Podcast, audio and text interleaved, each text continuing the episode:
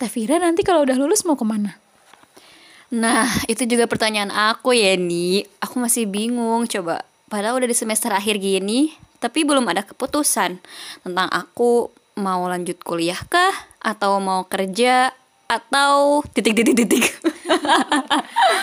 Kuliah, kerja, atau nikah itu kan iya masih bingung gitu terus kayak mempertimbangkan tuh semuanya punya plus minusnya dan aku belum tahu aku lebih cocoknya untuk waktu dekat ini yang mana dulu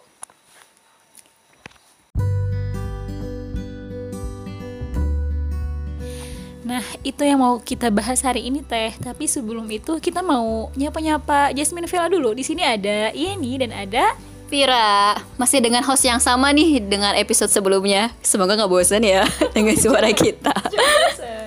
iya, jadi tentang bahasan kebingungan aku tadi ya, Yani. Sebenarnya ngomongin ini tahu nggak sih ada seminar yang bahas tentang keputusan setelah kuliah S1 yaitu antara nikah, studi atau karir. Tahu nggak ya nih ada seminar yang bahas itu? Tahu dong. Di mana di mana? Di FKG. Ya, jadi kemarin dari Fosi Kagi, FKG Unpad itu ngadain seminar, judulnya tadi ya, nikah versus studi versus karir. Yang pematerinya adalah pasangan teh. Siapa tuh teh pasangannya teh? Iya, jadi suami istri yaitu Teh Karina Hakman dengan Kang Supri. Jadi ini lebih balance gitu ya karena kaya dari dua sisi, perempuan dan laki-lakinya. Bener banget karena biasanya kalau nikah itu identik dengan uh, yang baper-baper itu cuma perempuan aja tapi kali ini dihadiri uh, langsung gitu ya dua-duanya dari dari sudut pandang laki-laki dari sudut pandang perempuan juga. Iya, jadi kita sifat podcast kita sekarang adalah lebih ke review ya nggak teh? Iya review dari seminar yang dilaksanakan di FKG kemarin. Jadi buat Jasmine Vela yang nggak datang bisa banget nyimak di podcast Jasmine hari ini. Iya, karena for your information, ini juga atas permintaan dan paksaan, paksaan gak ya? Dari Jasmine Vela guys. Asalnya kita juga nggak berniat kan ya, kan kita cuman kayak media partner aja gitu ngebagian informasi seminar. Eh komentarnya rame bener Teh bikin podcast dong Teh bikin live streaming dong Teh jangan lupa ya notulensinya Sementara kita tuh bukan yang ngadain ya kan tapi dengan itu kita sengaja nih buat Yasmin Vela juga langsung mendatangkan orang dari panitianya langsung untuk nanti ngobrol-ngobrol soal soal seminar kemarin. Nah di sini udah ada Teh Ayu. Hai Teh Ayu, mangga kita kenalan dulu sama Jasmine Vela. Yeay. Halo Justin Vela, kenalin nama aku Ayu uh, sebagai salah satu panitia dari acara kemarin. Salam kenal semuanya. Salam kenal Teteh. Eh kerasa beda nggak suaranya? Kita tuh kayak aku sih suara Vira tuh kayak uh terus suara Ayu kayak ih masya Allah. Beda, beda. Jangan disamain ya, jangan disamain. Iya, jadi Ayu ini perwakilan dari Fosikagi Unpadnya sendiri gitu. Nanti Teh Ayu bakal cerita-cerita nih apa yang didapat selama seminar bersama Teh Karin dan Kang Supri kemarin tentang apa tadi judulnya Teh? Nikah versus studi versus karir. Ya. Mangga deh Teh Ayu boleh ngasih dulu openingnya mungkin tentang seminar-seminar yang itu deh. tentang materi yang dibawainnya. Kira-kira sebenarnya ngomongin apa sih? Mangga Teh. Uh, iya nih, jadi teman-teman kemarin itu seminarnya uh, judulnya itu uh, nikah versus studi versus karir di mana sebenarnya berawal dari keresahan kita sih hmm. keresahan kita sebagai uh, ciwi-ciwi. Tapi sebenarnya nggak ciwi-ciwi juga yeah. sih si Iwan juga cowok-cowok gitu kan. Ketika uh, nanti setelah lulus kira-kira mau ngapain ya? Mau nikah dulu kah? Apa studi kah? Atau karir? Sementara mungkin banyak kekhawatiran dari kita baik itu dari uh, Ahwat maupun si Iwannya. Nggak siap lah ataupun mau bakti ke orang tua dulu lah uh, ataupun pengen ngejar karir dulu. Jadi hal itu tuh menjadi sebuah kebingungan bagi kita. Makanya kita di sini datangin expertnya gitu. Jadi saya Karin dan Kang Supri ini merupakan pasangan suami istri yang masya Allah banget ya teman-teman. Kalau misalnya teman-teman kepo bisa dikepoin tuh di Instagramnya @karina Akman sama @supriyatna. Nah dua orang ini adalah figur yang luar biasa karena menginspirasi banget sih teman-teman karena sebenarnya di antara ketiganya mereka ini tuh tidak mengorbankan ketiga-tiganya hmm. tapi mereka tetap bisa menjalankan nikah studi dan karirnya gitu secara berbarengan gitu keren gak sih dan kebayang gak sih menjalin itu berdua jadi nggak sendiri jadi pasti perjuangannya pasti sangat manis. Masya Allah. Jadi teh sebenarnya mana sih yang lebih penting antara nikah, studi atau karir? Nah, kalau ditanya mana nih yang lebih penting nikah atau studi atau karir? Jadi, uh, menurut pemateri kita kemarin sebenarnya nikah, studi ataupun karir ini uh, adalah hal-hal yang seharusnya tidak dibenturin teman-teman. Jadi seharusnya nggak perlu ada kata versus nikah versus studi versus karir. Jadi harusnya ketiga itu adalah CS gitu. jadi ketiganya ini adalah hal baik. Jadi seharusnya memang tidak perlu dibenturkan karena insya Allah ketiga-tiganya bisa kita jalankan gitu teman-teman. Berarti instead of pakai versus, kita bisa pakai plus gitu ya. Nikah plus studi plus karir. Barangkali. Tapi teh kalau misalkan kayak gitu, bebannya bakal jadi nambah gak sih teh? Iya, pasti be- pasti bebannya akan bertambah sih teh. Tapi balik-balik adalah kembali ke niat kita gitu. Apa sih yang kita tuju dari ketiga pilihan ini? Makanya di awal ketika kita memutuskan di antara memutuskan di antara ketiga ini, pasti akan banyak pertimbangan kan dari kita. Kita mau nikah dulu, apa studi kah, atau karir dulu gitu. Nah, eh, kalau dari pemateri kemarin, maka yang harus diperhatikan adalah niatnya dan eh, dari niat itu kita juga harus mengilmui gitu.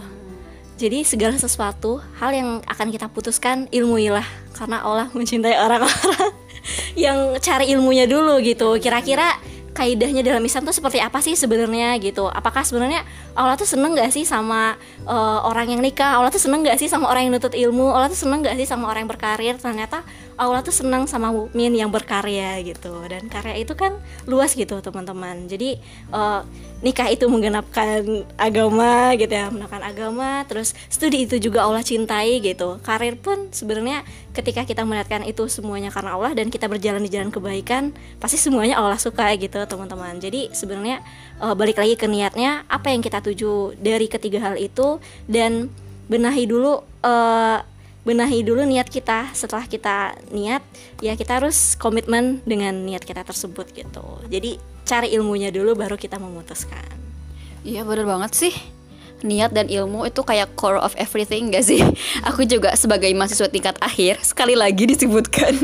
Aku tuh sering banget Teh Heni, Teh Ayu Ngumpul sama teman-teman jurusan aku Teman-teman kelas buat ngomongin Eh kamu abis ini mau ngapain?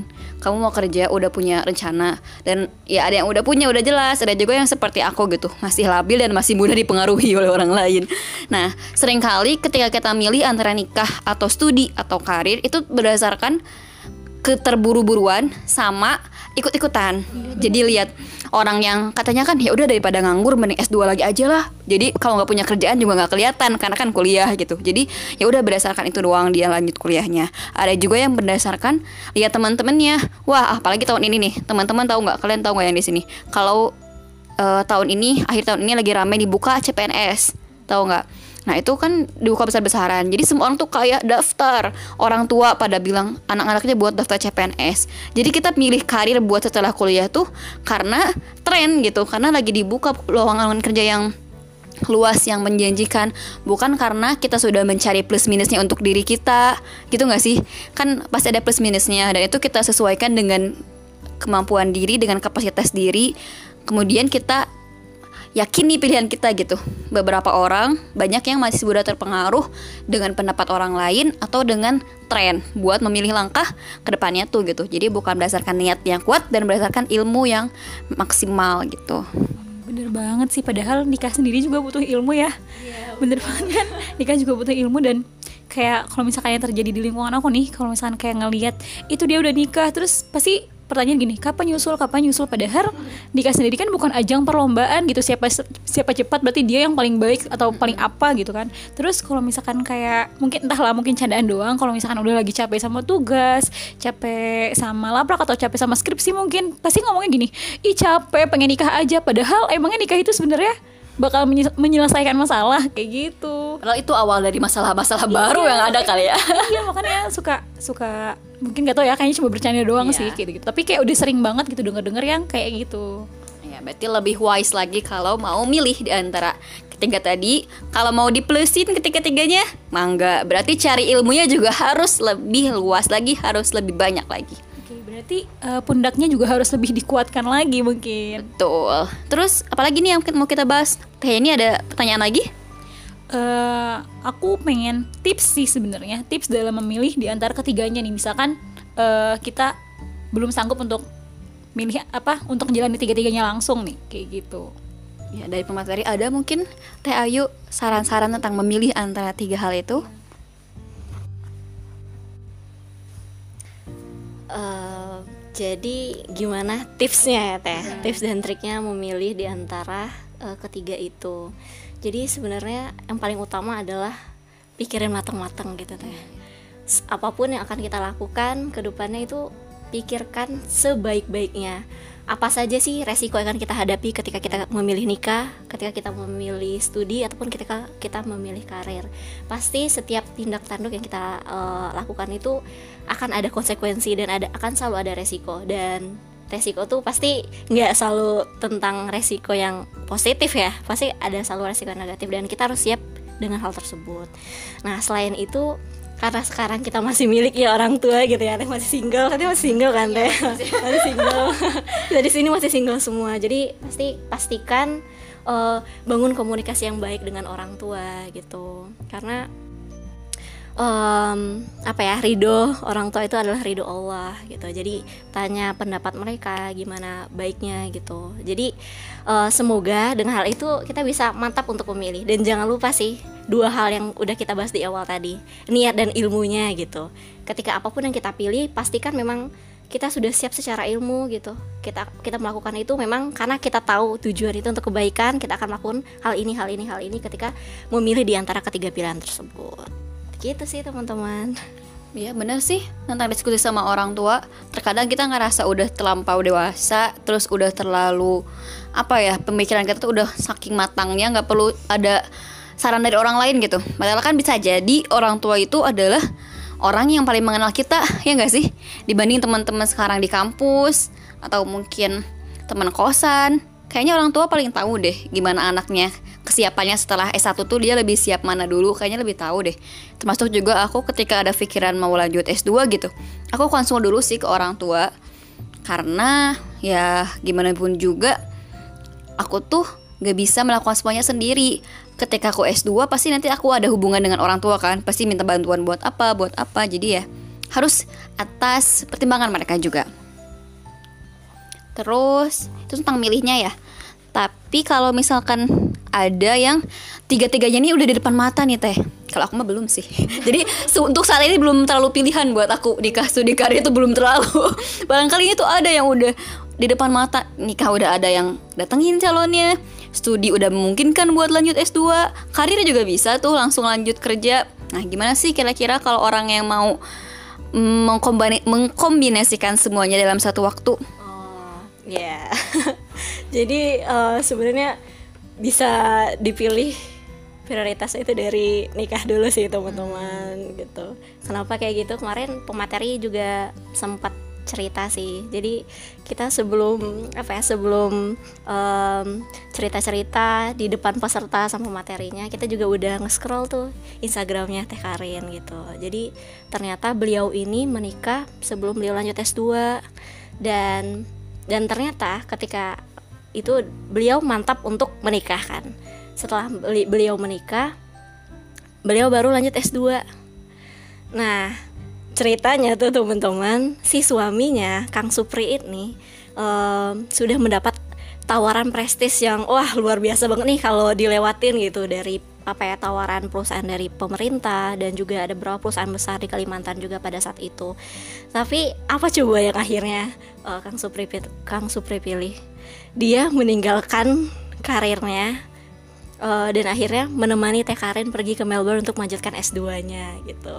Jadi gitu sih teman-teman sebenarnya ketiga-tiga itu sangat-sangat bisa untuk dijalankan. Tapi mungkin kalau misalnya memang ketika ketiga-tiganya bisa kita jalankan di waktu yang bersamaan pilih nikah dulu karena sudah menggenapkan agama ya teman-teman dan ketika kita sudah menikah pasti kita nggak sendiri gitu ada partner nih teh gitu. Ada partner untuk kita curhat untuk kita berbagi gitu. Nah karena pada saat itu juga ternyata pemateri ini teh Karen ya teh Karen ini sedang menyusui dua anaknya loh gitu. Jadi kebayang nggak sih rewahnya sebagai seorang istri ya? Tapi ternyata ada suami ada sosok partner yang luar biasa di belakangnya yang menemani perjalanan penuh terjal gitu ya penuh arah penuh rintangan yang dihadapi oleh Teh Karin gitu jadi luar biasa banget sih ketika uh, mendengar kisah mereka bahwa ternyata ketiga-tiganya bisa dijalankan. Dan singkat cerita, ketika uh, Teh Karin sudah menyelesaikan S2-nya, uh, si suami Teh Karin pun tidak berhenti sampai situ saja gitu. Ketika mereka balik ke Indonesia dan suaminya tuh suaminya pun mengejar S2 juga di Indonesia gitu. Jadi sebenarnya ketika kita sudah menikah, kita masih bisa kok untuk saling menghebatkan gitu. Oke oke. Hmm, to be honest, aku belum terlalu terbayang sih kalau tentang nikah dulu. Oke, okay. tapi mungkin buat teman-teman semoga menjawab gitu ya. Barangkali dari Jasmine Vela sudah ada yang dalam waktu dekat ini bisa menikah dan ada bayangan buat S2 tapi juga sambil berkarir itu bisa dilakukan gitu. Poinnya itu bisa seimbang ya asalkan usaha kita juga maksimal. Gitu. Iya. Dan jangan lupa ini sih teman-teman, jangan lupa kalau pernikahan itu tidak sinah drama Korea. pernikahan itu tidak sinah drama Korea gitu yang senang-senang aja gitu. Karena sebenarnya uh, menikah itu bukan hanya tentang menyatukan dua hati gitu antara cewek cowoknya aja gitu tapi bagaimana kita membangun komunikasi yang baik dan silaturahim yang baik antara kedua keluarga dari keluarga cewek maupun keluarga cowoknya gitu. Jadi hal-hal itu harus kita persiapkan gitu dari sekarang. Dan memang kita sudah memikirkan itu matang-matang banget gitu teman-teman sebelum kita memutuskan untuk menikah. Ya karena itu tadi beban menikah itu tuh bukan hanya tentang diri kita sendiri. Kita punya beban sebagai kalau misalnya kita cewek kita punya beban sebagai seorang istri. Nanti kalau udah punya punya anak-anak gitu kita uh, beban kita bertambah lagi menjadi seorang ibu. Tapi di sisi lain kita punya bukan punya beban sih punya amanah lagi sebagai seorang menantu gitu. Jadi itu tidak bisa dilupakan gitu. Bahkan selain menantu pun jangan lupa pula kita masih punya orang tua kandung kita gitu. Bakti kita sebagai anak untuk orang tua kita gitu. Jadi uh, baik bakti kita kepada suami bakti kita kepada orang tua, bakti kita kepada mertua, semuanya itu harus kita pikirkan dan semuanya itu harus didasari dengan ilmu gitu. Jadi persiapin bacalah mungkin buku-buku nikah dan sekarang gitu. Ya, jadi kalau mau milih nikah, pastikan bukan karena terburu-buru dan bukan karena provokasi, yeah. bukan karena apa ya keinginan sesaat, yeah. tapi memang karena kesiapan dan karena bekal juga. Yang kita kayaknya nggak akan bahas ini banyak-banyak deh ntar marah-marah lagi Jasmine Vela. Soalnya untuk nikah sendiri Jasmine Vela bisa cek di podcast episode 6 kalau nggak salah. Aku lupa. Pokoknya ada yang nikah muda Yay or Nay. Bisa lihat yang itu. Maksudnya bisa denger. Lihat gimana ya? Mohon maaf. Bisa denger podcast yang itu. Jadi di situ dibahas lengkap juga tentang persiapannya. Paling sekarang kita lanjut ke topik berikutnya tentang tiga pilihan ini. Apa ya kira-kira yang mau dibahas Taya ini uh, tentang ini sih teh. Uh, stigma yang biasa terjadi di masyarakat khususnya buat studi sih kayak jadi perempuan mah nggak usah lah ya sekolah tinggi tinggi oh, iya. dah ujung-ujungnya mah bakalan jadi ibu rumah tangga juga ada ujung-ujungnya cuma bakal di dapur aja kayak gitu nah iya pasti kita udah udah panas banget ya kuping kita ya dengan dengan istilah-istilah seperti itu atau stigma-stigma yang memang berkembang di masyarakat gitu ya teman-teman tapi uh, balik-balik pernah dengar kan bahwa wanita itu adalah madrasah pertama gitu bagi anak-anaknya. Wanita itu adalah sekolah pertama bagi anak-anaknya.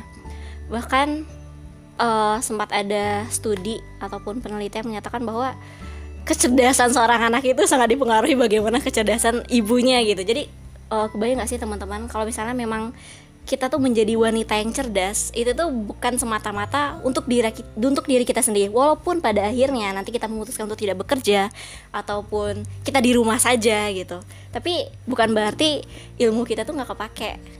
Ilmu kita tuh bisa banget kita pakai kita aplikasiin buat anak kita buat gimana kita manajemen diri kita dan manajemen keluarga kita itu tuh semuanya pasti bakal kepake. Jadi nggak ada istilah yang sia-sia di dunia ini gitu. Bahkan sejak Allah perintahkan kita untuk membaca kenapa sih Allah nyuruh kita buat baca kalau ternyata itu sia-sia gitu? Jadi sebenarnya Allah itu uh, menyuruh kita uh, mengilhami seluruh uh, ilmu yang ada di dunia ini tuh ya untuk bekal kita sendiri gitu teman-teman. Dan dalam hal ini menjadi wanita cerdas menurut menurutku sih itu sebuah kewajiban ya. Karena kita ini adalah ibunya peradaban gitu karena dari rahim kita tuh lahir uh, lahir benih-benih gitu atau tunas-tunas yang nantinya bakal uh, berjuang untuk agamanya, untuk nusa bangsa dan tentunya untuk untuk Indonesia dan untuk seluruh dunia gitu. Jadi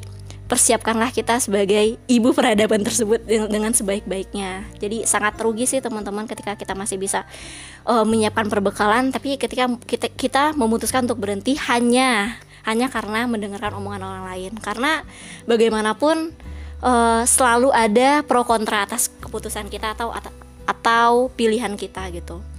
Karena nggak semua orang akan senang dengan apa pun yang kita pilih. Selalu ada yang tidak suka selalu ada yang mencaci selalu ada yang mengolok-olok selalu ada yang bilang coba deh kamu pilih ini coba deh dan segala macam gitu. Tapi padahal yang menjalani itu siapa sih kita gitu? Bukan berarti kita harus menutup kuping gitu ya. Bukan berarti kita harus menutup telinga tentang uh, pendapat orang lain. Boleh kita dengarkan pendapat orang lain yang menurut kita baik ambil. Yang menurut kita itu hanya toxic. Dan nanti akan apa ya membuat kita hanya stres gitu. Ya udah tinggalin aja gitu. Karena oh, memikirkan omongan lain tidak akan pernah selesai gitu. Kita akan stres sendiri. Jadi pikirkanlah sebaik-baiknya selama memang keputusan itu kita ambil karena Allah dan memang itu untuk kebaikan just go for it gitu.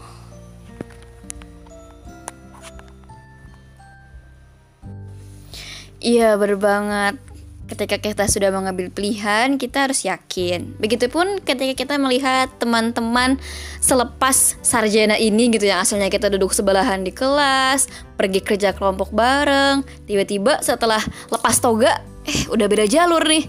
Ada yang milih nikah dulu, ada yang milih kerja dulu, ada yang milih lanjut studinya. Gak usah ngejudge keputusan mereka, ya gak sih? Karena kan balik lagi seperti kita yang paling tahu diri kita, begitupun mereka gitu. Iya bener banget sih teman-teman. Karena pada akhirnya uh, we don't have a competition with anyone. We only have a competition with our own self gitu. Jadi uh, bertarunglah sama diri kita sendiri jadikan diri kita lebih baik dari sebelumnya. Tidak usah peduli dengan uh, komentar orang lain pun kita tidak usah terlalu sibuk mengomentari kehidupan orang lain. Karena kita uh, tidak pernah tahu kehidupan orang itu seperti apa dan orang yang tidak pernah tahu kehidupan kita sebenarnya seperti apa. Jadi jalani kehidupan kita masing-masing dan gantungan semuanya kepada Allah gitu. Betul. Hmm, paling tentang topik ini sendiri ya teh.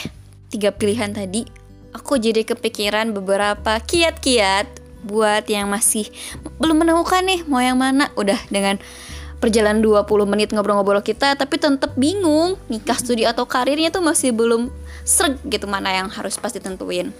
Paling kalau menurut aku di antara ikhtiar yang bisa dilakukan itu kita harus sebanyak-banyaknya lihat dan ngobrol dengan banyak orang dengan orang lain yang terutama sudah mengalaminya gitu. Bisa mengalami tiga tiganya yang plus plus plus tadi sekaligus dalam satu waktu atau kita bisa ngobrol dengan tiap orang dengan jalan hidupnya masing-masing gitu. Kayak kita observasi aja kita ngobrol-ngobrol sama orang yang setelah lulus kuliah dia langsung nikah setelah lulus kuliah dia kerja dulu dan yang setelah lulus S1 dia lanjut S2 lanjut magister gitu. Kita ngobrol sama mereka aja guys terus tanya struggle mereka apa atau apa yang meyakinkan mereka untuk ngambil keputusan ini gitu. Selain ngobrol-ngobrol juga kita itu harus tahu plus minusnya gitu. Ini juga fungsi dari ngobrol-ngobrol sih. Tahu plus minusnya ketika ngambil salah satu di antara tiga ini atau salah dua atau tiga-tiganya gitu. Uh, dan juga ketahui persiapannya gitu. Bukan cuma ngobrol ih teh enaknya habis kuliah langsung nikah tuh apa sih? Wah mungkin emang bikin baper ya. Tapi juga ketahuin persiapan si teteh ini sebelum akhirnya nikah di umur 20, 21, 22 itu apa gitu. Barangkali kita baru memulai persiapannya hari ini tapi pingin nikahnya bulan depan gitu. Sementara si teteh ini persiapannya dari umur 18 mungkin umur 19 akhirnya dia bisa nikah yakin di umur 22 gitu misal persiapannya itu kalau misalkan nikah kalau S2 ya pasti tahu lah siapin berkas-berkasnya dari sekarang pilih majornya pilih univnya pertimbangkan dalam atau luar negeri dan segala uh, elemen-elemen yang harus disiapkan untuk itu. Misalkan kan kalau S2 tuh rata-rata harus udah punya judul tesis nggak sih? Beda sama S1 yang tinggal masuk. Ya udah kita belajar aja. S2 tuh yang aku tahu apalagi kalau teman-teman mau ngejar beasiswa ya nyari beasiswa juga kan ikhtiar persiapan. Itu mulai siapkan juga judul tesisnya tuh mau apa? Masya allah.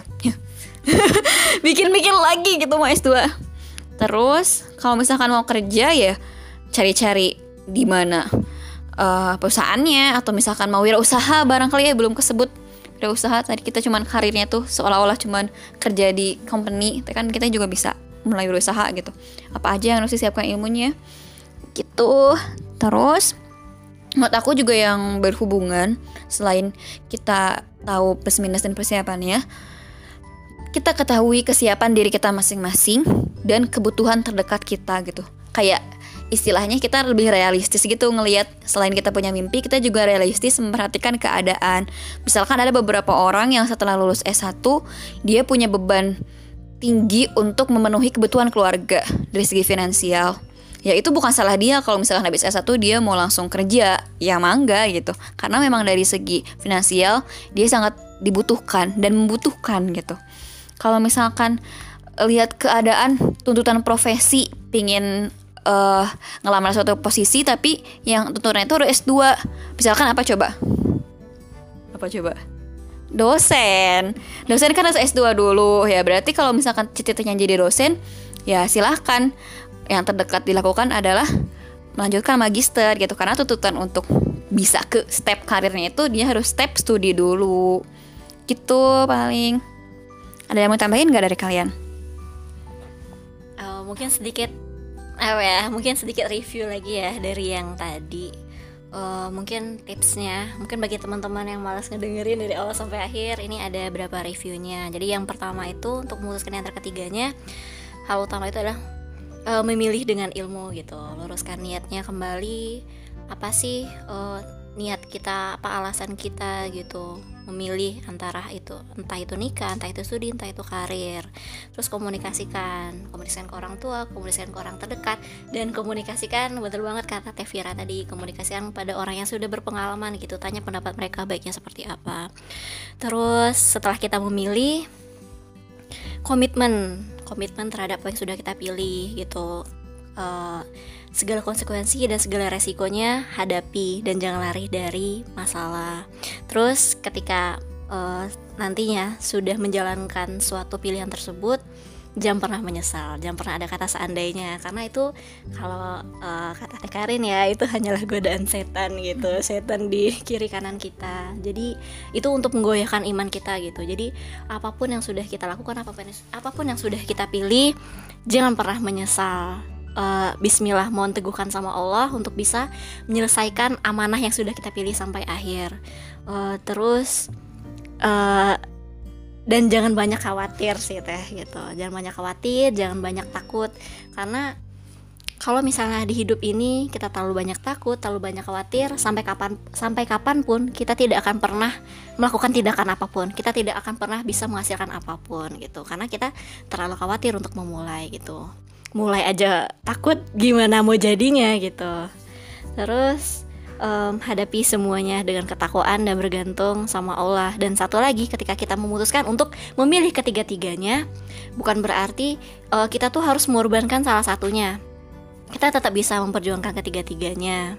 Karena uh, sejatinya ketika kita memilih lebih dari satu amanah bukan berarti amanah tersebut amanah-amanah yang banyak itu harus kita kurangi. Tetapi perjuanganlah yang harus kita tambahkan Wah, masya Allah. Betul betul betul. Ya bener sih. Aku mau hmm, apa ya mengingatkan juga nih teh setelah kita udah punya kecenderungan ya. Mau salah satunya atau mau tadi sekaligus beberapa hal dilakukan dalam satu waktu. Jangan lupa buat istikharah. Kenapa? Karena ya itu bisa menemantapkan hati banget sih. Beneran loh istikharah tuh se ajaib itu. Ajaib dalam hal apa ya?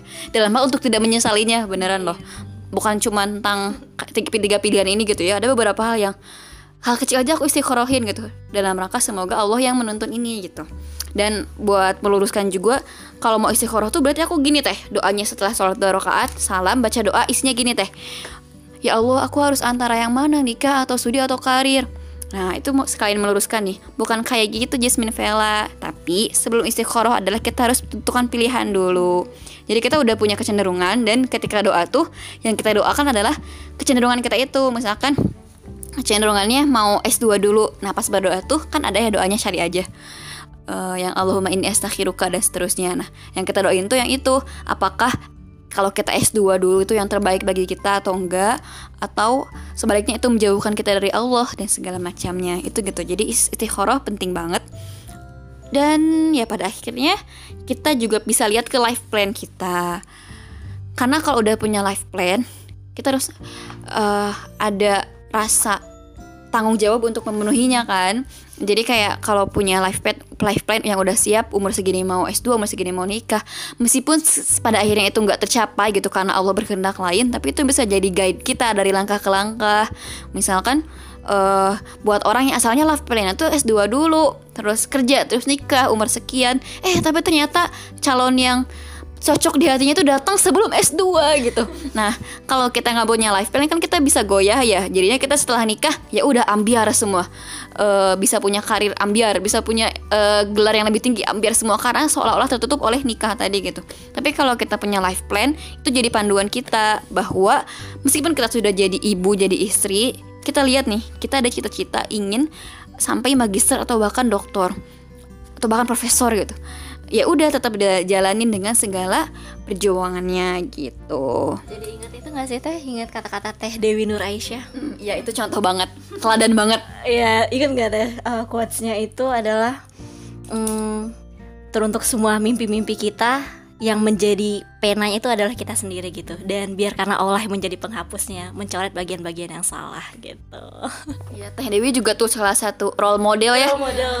Iya, maksudnya se satu geng lah gitu sama satu geng sama Teh Karin. Maksudnya beliau juga termasuk beliau dan suaminya termasuk uh, tokoh-tokoh yang uh, apa ya nikah studi karirnya semuanya bisa berjalan dengan sangat baik gitu teman-teman. Jadi tidak tidak akan pernah ada hambatan untuk uh, apa ya menjalankan ketiga itu asal itu tadi dengan persiapan dan juga ketakwaan sama Allah.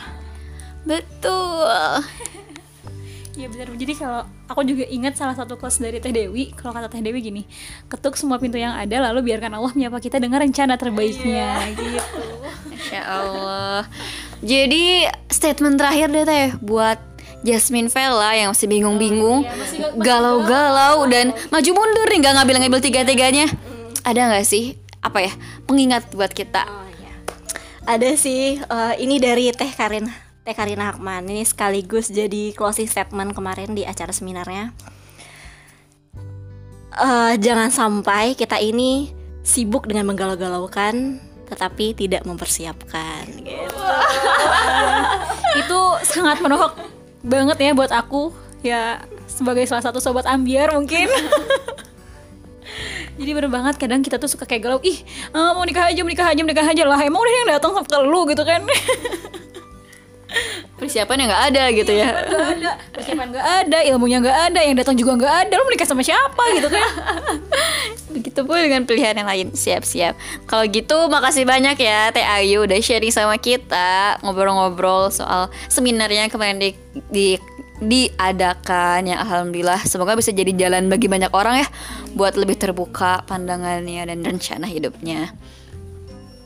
Makasih Teh Ayu Makasih teman-teman uh, apa pun segala segala hal kebaikan mungkin bisa diambil dan itu semuanya datang dari Allah. Kalau misalnya ada kesalahan mohon dimaafkan dan itu datangnya dari aku sendiri gitu. Oke, okay, nah kalau gitu buat Jasmine Vela yang masih bingung-bingung bisa cek juga konten-konten Jasmine ada di antaranya podcast kita Quarter Life Crisis. Kalau tentang nikah spesifik ada, tinggal cek aja episode sebelumnya. Dan kalau yang udah terketuk hatinya untuk mempersiapkan bisa juga tunggu program coming soon di Jasmine 2020 Jasmine 2020 ada apa sih teh kira-kira? Ada sekolah mungkin ya tadi disebutnya atau apa ya? Pembinaan. Pembinaan iya pembinaan pranikah. Jadi kita nggak akan bahas tentang nikahnya baper-bapernya aja tapi kita akan bahas yang insya Allah lebih dalam dari itu. Lebih ilmuannya berarti ya, iya, lebih praktikal gitu loh yang misalkan mem mempersiapkan finansial mempersiapkan pengelolaan rumah tangga semoga bisa terlaksana ya. Pokoknya tunggu aja. bakalan ada kok. Coming soon lah infonya. Ya, dan ini nggak akan dibikin podcast kayak maksudnya yang membosankan gitu yang akhirnya bikin kalian marah-marah. Jasmine bahasnya nih kamu lu. Nggak insya Allah lebih dibuat seekspektif mungkin ya teh. Insya Allah. Doain aja. Ya, nah makanya biar nggak ketinggalan infonya terus pantengin Jasmine di mana aja teh? Di Instagram @jasmineunpad di YouTube channelnya Teh Jasmine. Di line ada Teh Jasmine. Ya at Teh Jasmine idolnya Teh Jasmine Eh, terus post podcastnya juga jangan lupa pantengin terus. Makasih banyak yang udah sangat excited tiap kita bikin postingan. Yang ditanya tuh bukan postingan ya tapi podcastnya teh. Udah postingan udah baca. Teh makasih ya udah bikin tulisan ini. Tapi podcastnya kapan teh? Karena mungkin emang kayak kita tuh kalau misalkan ngedeng apa ya ka- kalau podcast tuh sambil kita bisa dengar sambil kita tuh bisa ngelakuin yang lain gitu teh. Iya. banyak yang suka mungkin dari situ kayak insya Allah. Alhamdulillah terima Dan kasih. jangan sampai bosan sama suara kita. Iya, FYI juga atas jasa teman-teman atas apa ya kehadiran teman-teman membersamai kami. Selama satu tahun ini. Jasmine kan mulai sekitar sekitar Maret Maret April apa ya? Kita baru mengudara tuh buat bulan Maret April 2019 sampai sekarang di Desember 2019 pendengar podcast kita itu sudah sekitar 80 ribu teh. Pengen nangis ya Allah, masya Allah. kayak jauh kayak eh, jauh banget dari target yang udah kita ini. Kan pernah kita target itu nggak setinggi ini gitu nggak sejauh ini targetnya. Tapi alhamdulillah respon positif dari Jasmine Vela tuh bagus banget. Nah, makanya pantengin terus podcastnya di Spotify-nya Suara Teh Jasmine di follow dan di anchor-nya juga Teh Jasmine jangan lupa di favorite. Dan jangan lupa share juga ke teman-teman Jasmine Vela gitu. Ya, bikin bikin Instastory. iya instastory Boleh kemudian banget. terus di tag ke @jasmine unpad ya, nanti yang bagus kita repost. Iya, gitu. mantap mantap Ya udah makasih banyak Jasmine Vela sudah betah dengerin kita. Mohon maaf kalau ada kesalahan dan kita saling mengingatkan aja ya, kita saling mengisi, menginspirasi juga boleh kalau teman-teman ada ide podcast bahas apa boleh kirim aja. Dan eh, semoga kita bisa bertemu lagi di episode berikutnya. Ya udah dadah. dadah Masalah sayonara.